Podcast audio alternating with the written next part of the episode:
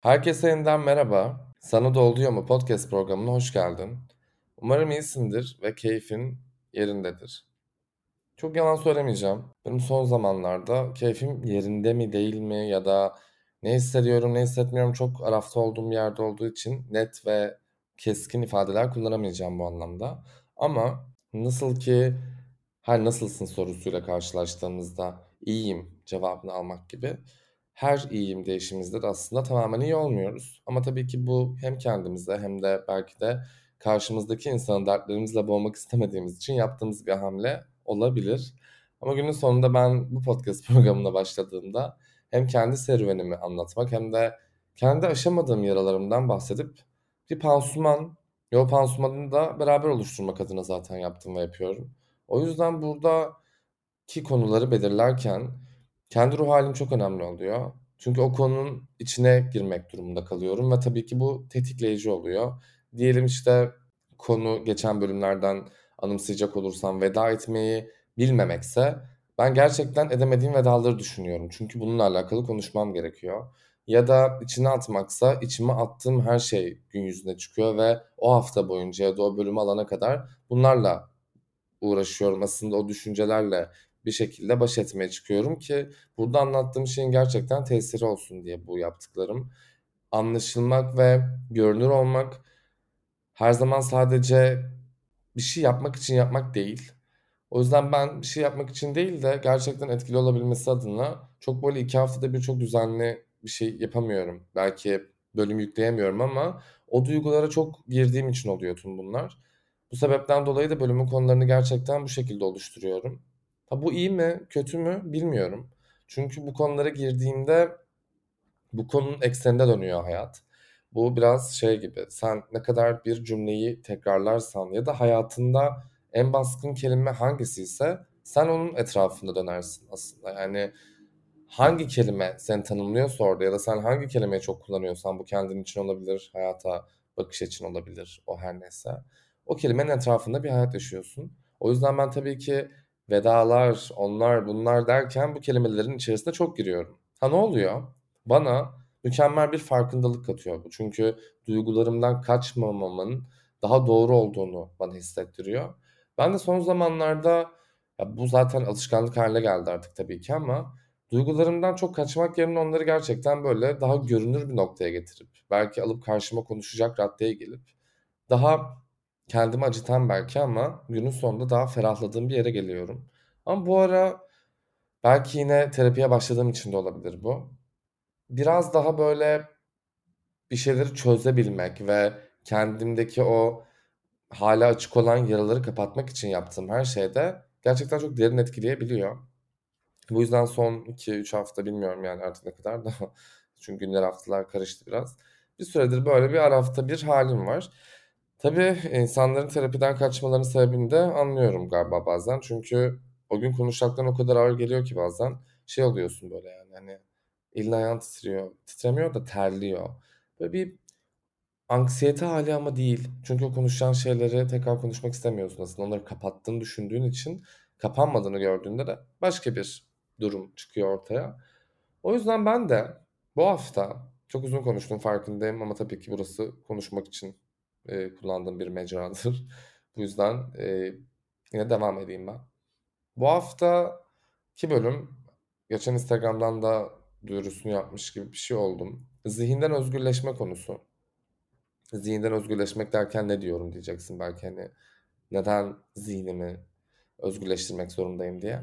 Çünkü zihnini özgürleştirmediğin takdirde Serenay Sarıkaya'nın geçenlerde meme olmuş bir videosu vardı. Böyle dört kadının içinde olduğu ve herkesin şan şakrak güldüğü ama Serenay'ın bir anda böyle hani anlıyorsun. Kadın oradan gidiyor. Hatta ona çok böyle dokunaklı bir müzik falan da koymuşlardı. Yani izlediğimde aa harbiden ben bunu epey yaşıyorum. oldum hatta bazı ve birçok ortamda. Tam olarak öyle.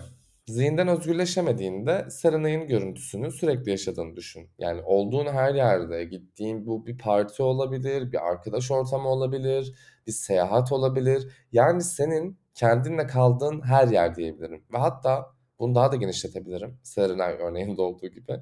Yanında zaten insanlar da olabilir, kalabalık içerisinde de olabilirsin. Çok eğleniyor olabilirsin belki. Ama o bir iki dakika var ya gittiğin bir an. Zihninin sana gösterdikleriyle ilgilendiğin bir an var. Seni o andan koparan, arkadaşlarının yanından koparan, müzikten koparan, eğlenceden koparan, dinlenmeden koparan o var. O da zihninin dinlediğin kadar var. Şimdi bunu ben duyduğumda da ya da bununla alakalı pratikler yapmak istediğimde de çok ama çok zor olduğunu baştan biliyordum. Ve her ne kadar meditasyon da yapsan, yoga da yapsan, onu da yapsan, bunu da yapsan zihinden özgürleşmek zaten tamamen mümkün değil. Bu tabii ki seni yokluyor ve tabii ki geçmiş yaşantılarını gidip de sildirmiyorsun ve onlar bir yerde duruyor ve zihin de bunu çok iyi manipüle ettiği için senin bununla olan mücadelen eşittir hayat. Yani bu hep olacak. Zihin sana her zaman bir şey gösterecek. Ama zihnin sana gösterdiği şeyi senin ne kadar sürede yaşadığın önemli oluyor. Yani atıyorum bir arkadaş ortamında oturuyorsun. Onlar bir şeyleri gülüyorlar, eğleniyorlar. Sen bir ara yoksun ya. O ara 5 dakika da olabilir, 10 dakika da olabilir. Ya da sen sürekli zihninden bir şeyler geçirirken karşındaki insanı dinlemiyorsundur. O insan onu fark ediyordur mesela. Ki bunu fark eden insanlar da oluyor tabii ki yani. Aklın başka yerde deriz ya hep. Ya senin aklın başka yerde şu an beni dinlemiyorsun.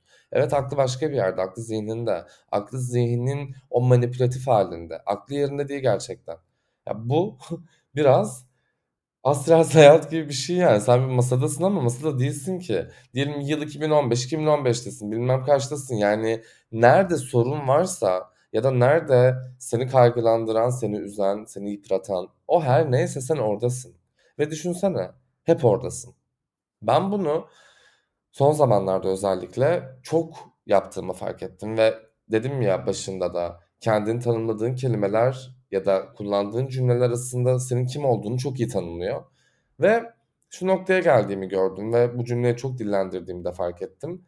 Ne yerdeyim ne gökte. Yani yokum. Burada değilim aslında ve bir şeyleri halletmeye çalışıyorum ve sürekli o geçmişteki o yerde, o bana verilen sahnelerdeki durumlarda, olaylarda onu çok anımsamaya başladığımı fark ettiğim bir dönem bu. Ve bu beni artık çok yormaya başladı. Çünkü ben şu an yaşamayı gerçekten kaçırdım. Bunu söylerken hiç anda kal, orada kal, burada kal falan demeyeceğim. Herkesin kaldığı yer bence kendine bağlıyor bir gün, günün sonunda. Ben sadece burada tabii kendi deneyimimden bahsediyorum. Ama beni çok yordu. Bunu seven insan da vardır. Orada yaşamak isteyen insan da vardır.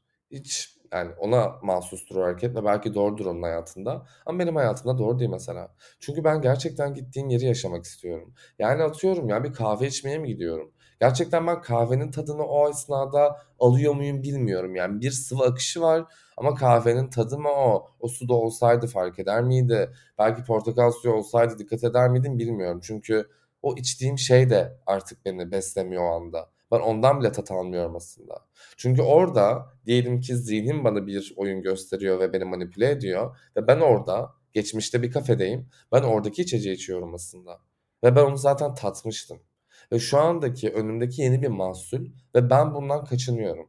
Yani şu an yaşayamamak kadar bence bir insanın kendine yaptığı kötülük yoktur ya herhalde. Yani başka hayat yok ki zaten baktığında. E geçmişi yaşadın. E artık orada yaşayamayacağını biliyorsun en azından fiziki bir halde. E tamam şu an buradasın ve kendini sürekli ama sürekli eziyet eden bir hal bu. Bence biraz ürkütücü. En azından benim için öyle. Ama ben bunu biraz açıkçası bu zihni özgürleştirememe durumlarının tek sebebinin de tabii ki yine bizde olmadığını ve bunun gerçekten çok insana dair, çok, eee, hepimizde olan bir durum olduğu için bundan nasıl kurtarılırı, yani, bundan nasıl kurtulabilirime bakma noktasında sadece kendime telkinlerde bulunuyorum ve bir noktada bunu başaramadım ki, ki başarabildiğimi zaten düşünmüyorum. Artık böyle o tat alamama, o böyle bir yerlerden kopma, bir araf hâli, yok ya bu galiba çok her yaşta çekilebilen bir durum değilmiş. Ben de sonuçta burada şu anda yaşım çok büyük değil ama 28 yaşında da ben bunu yaşamak istemiyorum açıkçası. Buna karar verdim. Ve beni neden zihnim alıkoyuyor diye düşündükçe de daha derine indim tabii ki. Beni rahatsız hissettiren, neden zihnimin o manipülatif, o her zaman geçmişi hatırlatan hali neden sürekli acı bir yerde olmak zorunda diye düşündükçe de zihnimin böyle ilk o hiçbir şey duymamış, aslında kirlenmemiş tamamen bir A4 kağıdı olan hali yani çocukluğumu bir aradım. Aramadım değil. Orada duyduğun, duymadığın, sana verilen, verilmeyen artık o her neyse hatırladığın, hatırlamadığın dahi çünkü her şeyi hatırlamıyoruz geçmişe dair. Kimisini reset ediyoruz ve gerçekten unutuyoruz yani bir şekilde. Ve o halime bugün bir mektup yazmak istedim ben. Bu mektup tabii ki çok kişisel ve çok bana dair bir mektup ama aslında hepimize dair bir mektup. Neden bu mektubu kendime yazmak istedim dersen de bunu hem terapistim bana açıkçası tavsiye etti. Çünkü kendimle bağlantımı kopardığım bir hal olduğunu ben de farkındayım. Her zihnime gittiğimde ve her o özgürleşmeyi yaşayamadığımda, bir yerlerden koptuğumda, zihnim tarafından koparıldığımda ben aslında kendimle bağlantımı koparıyorum. Hayatla olan bağlantımı kesiyorum bu. Göbek bağını düşün. Göbek bağının kesilmediğini düşün. Zihinle ilişkinde o şekilde. Senin artık onu kesmen gerekiyor çünkü o çürüyor. Çürüdüğü noktada kendi düşecek zaten. Ama düştüğünde o bir yıkım olmasın istiyorsan ve bir sıkıntı yaşamak istemiyorsan, bunu daha profesyonel bir şekilde yapmak istiyorsan o göbek bağını zaten kesebiliyorsun. Bunun da yolu biraz o kendinle olan bağlantını hatırlamaktan geçiyor. Yani ilk doğduğun an, ilk çocukluğun, ilk gençliğin, ilk ilk ilk bunlar hayattaki tüm ilkler olabilir belki ya da hep böyle o seni şekillendiren düşünceler, formlar, kalıplar, baskılar her neyse onların tümünü aslında yaşatıyor sana. Ve tüm değer yargıları da o şekilde ortaya çıkıyor. Ben bugün bu bölümü alırken zorlanacağımı biliyordum. Çünkü kendime yazdığım mektupta çok duygulandım açıkçası. Bunu inkar edemeyeceğim. Bu meditasyon yapan insanların da bileceği bir şey tabii ama yani genel olarak kendi çocukluğunu imgelediğinde diyeyim zihninde, zihninde canlandırman, onu hayal etmen de olabilir. İnsan böyle bir buruklaşıyor yani bir hassaslaşıyor. Aslında daha doğru bir kelime bir ifade olabilir hassaslık. Böyle bir sıcaklık ama aynı zamanda bir soğukluk e, aslında şu an büyümüş olan ellerine baktığında o küçük ellerine sana olduğunu bilme hissi belki romantik belki bazen acıtıcı ve can yakıcı.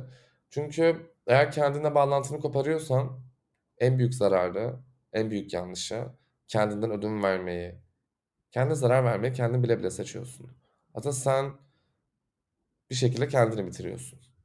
Kendinden bağını kopararak, o bağı yaşatamayarak. Ve bu yüzden kendine yazdığın mektup da bu kadar önemli oluyor. Kendini hatırlaman için aslında. Bunu romantize etmek için değil. Romantize etmek için yaptığım bir şey de değil bu. Aa, kendi çocukluğuma mektup yazıyorum gibi değil. Çok sevgi dolu bir şeyden de bahsetmiyorum aslında. Olanı yazmaktan bahsediyorum. Sen nasıldın çocukken? Neleri hatırlıyorsun? Neyi seviyordun? Neyi sevmiyordun? Sana iyi gelen şey neydi? Sen daha sonrasında kimler için, ne için, hangi hayat, hangi doğru, hangi yanlış, kimin sözüne, kimin düşüncesine göre şekillendiğin noktadasın. Çünkü o A4 kağıdında hiçbir şey yoktu. Senin duydukların, gördüklerin, yapılanlar, yapılmayanlar tüm bunlar zaten senin o şu anki seni yarattığı için ve sen şu anki senden memnun olmadığında ve sürekli o ya geçmiş çok sevdiğin için ya orada travmaların olduğu için orada olduğunda da kendine bağlantın zaten oho gitmiş oluyor. E bu ne yapıyor? Yazmak ne yapıyor? Ya da belki aynanın karşısında kendine konuşmak ne yapıyor? Kendini hatırlatıyor sana. Sen bunları seviyordun diyor. Bir noktada sana hayat enerjisi veriyor işte. Tekrardan o bağı canlandırıyor. Neleri seviyordun? Yani şu an yapmıyorsun belki ama ya sen bir 15 yıl önce belki bunu yapıyordun ve bundan keyif alıyordun. Belki bunu tekrardan yaparsan, onu tekrardan hatırlandır, hatırlarsan çocukluğunu onurlandırmış olursun. Belki sen kendini sevip sahiplendiğinde ve o çocuk zihnin, o çocuk kalbin mutlu olduğunda ve ona bir hediye almış gibi düşün bir çocuğa. Onu mutlu hissettirdiğinde o da sana belki gerçekten güzel bir cevapla ya da güzel bir hareketle dönüş yapacak. O yüzden dediğim gibi benimki çok romantik olmadı. Sadece kendime bana hatırlatması için benim buna çok ihtiyacım vardı. Ve ben üşenmedim yazdım. Tabii ki belki şu an sayfalarca dolu yazmış olsam da burada hepsini belki aktarmayacağım ama en azından beni tanımayanlar için evet Eren bir podcaster podcast yapıyor ama dinlediğim insan kim, onun çocukluğu kim? Belki ben de bir bağ kurmak istersin ve orada benle kurduğum bağda o çocukluğundaki yaşadığımız şeyler belki ortaktır diye de senin de bunu kendine yapmanı tavsiye ederim aslında. Yani oyuncuların nasıl ki sahne önüne çıkmadan kendilerini böyle bir ayna karşısında yaptıkları, çalıştıkları replikleri varsa, bir role girmek varsa ben bugün çocukluğumun rolüne girmek istiyorum bu bölümde. Gerçekten çocuk olarak, çocuk Eren olarak tüm filtresizliğimle bu mektubu okumak istiyorum. En azından hem kendime yakınlaşmak hem de dediğim gibi seslendiğim insanlarla bir ilişki kurmak adına bu. Belki çocukluğumuz hepimizin, belki değil tabii ki, ortak olduğu için yaralarımız benzer olabilir birbirimize. Pansumanı da beraber yapabiliriz diye düşünüyorum bu sayede. O yüzden yer yer duygulanırsam şimdiden affola. Çok duygulanmamaya çalışacağımdır ama kendi kendime okuduğumda biraz içselleştim ben. O yüzden bugün bunu sadece bir rol olarak görüyorum. O yüzden bir oyuncu edasıyla repliğimi çalışırmışçasına ya da bir tiyatro sahnesinde elimde bir kağıt, tepemde bir ışık. Tüm o oklar bendeyken karşı tarafa bir şey anlatmak ve orada da sizlerin olması gibi bir hal, olduğum bir hal, kendi halim. O yüzden ben en azından şimdi bu mektuba geçmek istiyorum. Çünkü bu dönemde tek üzüntüm belki kendimle olan değerim, kendimle olan kurduğum ilişkim, bazı şeyleri ne kadar aman sadece zamanı öldürmek için yaptığım, kimisini de gerçekten yaşamak için yaptığım yerlerde hangi yerini hatırlamam gerektiği üzerineydi. Umarım sen de hatırlarsın. Eğer şu an kendini kaybetmiş hissediyorsan, eğer boşlukta süzüldüğünü hissediyorsan, ne yerdeyim ne gökte hali sende de varsa bence sana da iyi gelecek. Çünkü bir çocuk hikayesini duymak her zaman insanı iyi hissettiriyor. Bu yüzden yavaş yavaş mektubuma giriş yapıp ondan sonra da bölümün sonuna gelirken de güzel bir vedalaşırız diye düşünüyorum. o zaman mektubu okuyorum. Dünyaya gelişini hatırlasaydın keşke. O saati, güvenli alanı terk ettiğin o anı, hayatla buluştuğun o ilk sahnelere. Keşke tutabilseydim elinden ve yaşayacaklarının bir kısmını anlatabilseydim sana. Boş ver deseydim, bırak deseydim, yorma kendini deseydim. Bak zaman hızlı geçecek. En güzel anlarını zihnine teslim etme deseydim. Deseydin de dik bir duruş sergileyip kendi bildiğini okuyacaktın. Öyle bir çocuktun çünkü. Dik duruşlu, kendi kararlarını vermek isteyen ve sürekli bir yetişkin derdinde olmak isteyen küçücük bir çocuk. Bebek adımlarında bile bildiğinden şaşmayan, yapma dediklerinde inadına yapan. Hayal dünyan çok geniş olduğu için her oyundan keyif alan bir çocuk olmak yerine yetişkinlerin dünyasında sana en iyi gelen meslek gruplarını taklit ettiğin oyunlara yönelecektin. Gazeteleri parçalayıp gazetecilik oynamak gibi. Duyarlı bir çocuktun. Hassastın. Etkilenmen diğer çocuklara göre hep daha kolay olacaktı. Bu da seni büyük bir topluluktan kimi zaman dışlayacaktı. Olsun ama sen aldırmayacaktın. Kendi bildiğini okumaya devam edecektin. En güzel anlarından biri hala aklımda. Erik çekirdeklerini topladığın, ilk bulduğun toprağa gidip gömdüğün o anlar. Birkaç ay sonra gidip baktığında topraktan yaşarmayan bir fide görmeyince üzülecektin. Pes etmeden diğer sene tekrar deneyecektin. Umutlarını da böyle yaşartmaya çalışırdın. Pes etmeden tekrar hayallere dalarak. Daha okula başlamadan okulluydun. Herkesten önce orada olmak istiyordun. Üniformalar heyecanlandırırdı seni. Bembeyaz yakalığın olmazsa olmazında. Severdin fark edilmeyi. Tıpkı şimdi olduğu gibi. Dış çevre zihnini şekillendirmeye başladığında bunun ileride hayatında ne gibi sorunlar çıkacağını bilmiyordun. O zamanlara daha çok vardı nasılsa. Hemen büyümeyecektin ya. Dışa dönük bir çocuktun. Yaz tatillerini heyecanla beklerdin. Gideceğiniz tatillerden çok mahallede ebelemece, şarkılı yerden yüksek gibi türlü türlü oyunlar için heyecanlanacaktın. Yaz demek senin için saatlerce eve girmemek, geceleri de hep oynamak üzerineydi. O kadar da yaramazdın ki her yaz bir şekilde kendine zarar da vermiş olurdun. Düşerdin çok. Dizlerin her yaz yara bere içindeydi. Hatta bazen o kadar derin yaralar olur ki pansumana gitmek zorunda bile kalırdın. Yıldırmazdı yine de seni o derin yara. Tek bir bantla yine oynamaya devam ederdin. Acıyan yerlerine rağmen oyuna devam etmeyi de orada öğrenmiş bulundun. Ah be Eren'im, zamanın nasıl hızlı aktığını umursamadan hep büyümek isteyecektin. Her zaman kendinden büyük arkadaşların olacaktı ve bu seni epey hissettirecekti. Sen kulaklarını dışarıya kapamayı da ilkokul çağında öğrendin. Bazı acı yerlerden ve haftalamalardan. Çocukların acımasız olduğunu bilmiyordun. Çünkü sen acımasız değildin. Arkadaşlarını sahiplenen, onlara laf söyletmeyen bir yerdeydin. Arkandan bağıra bağıra söylenenlere inat, aralarına girdiğinde de bunu görmüş olacaktın. Umursamamayı, herkese rağmen orada olacağını, aldırış etmemeyi de orada öğrenmiş bulundun. Yaramaz da bir çocuktun. Her zaman ailenin kararlarının tam karşısında yerini alacaktın. Gerek ayaklarını yere vura vura, gerek bağıra çağıra kendini dinlettirmeye başaracaktın. Kendin olmaktan vazgeçmemeyi de orada öğrenmiş bulundun. Ne kadar başarılı olursan o kadar sevileceğini düşündüğün için takdir belgesi almak senin önceliğin olacaktı. Karnende tek kırık nota bile tahammülün olmayacaktı. Ailen tarafından takdir edilmek sana çok iyi geliyordu. Bundan mahrum kalamazdın. Arkadaşların tarafından seviliyor olmak senin için çok önemliydi.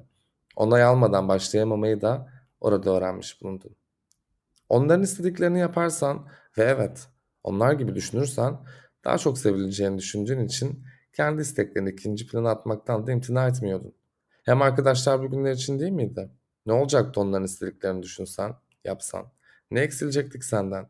Eksilmek yerine bunlar senin artın olacaktı. Daha fazla oyuna dahil edilip daha fazla sevilmek garantiydi çünkü. Onlar mutlu olsun diye kendinden ödün vermeyi de orada öğrenmiş bulundun. Büyüme hayalin hep içindeydi. Planların hep gelecekteydi. Belki o zamanlar bile kaçırdığın olmuştur bazı anlarını. Şimdi hatırlamadığın. Hep bir telaş içinde. Daha fazla büyüme isteğinin büyüdüğünde seni yoracağından bir haber.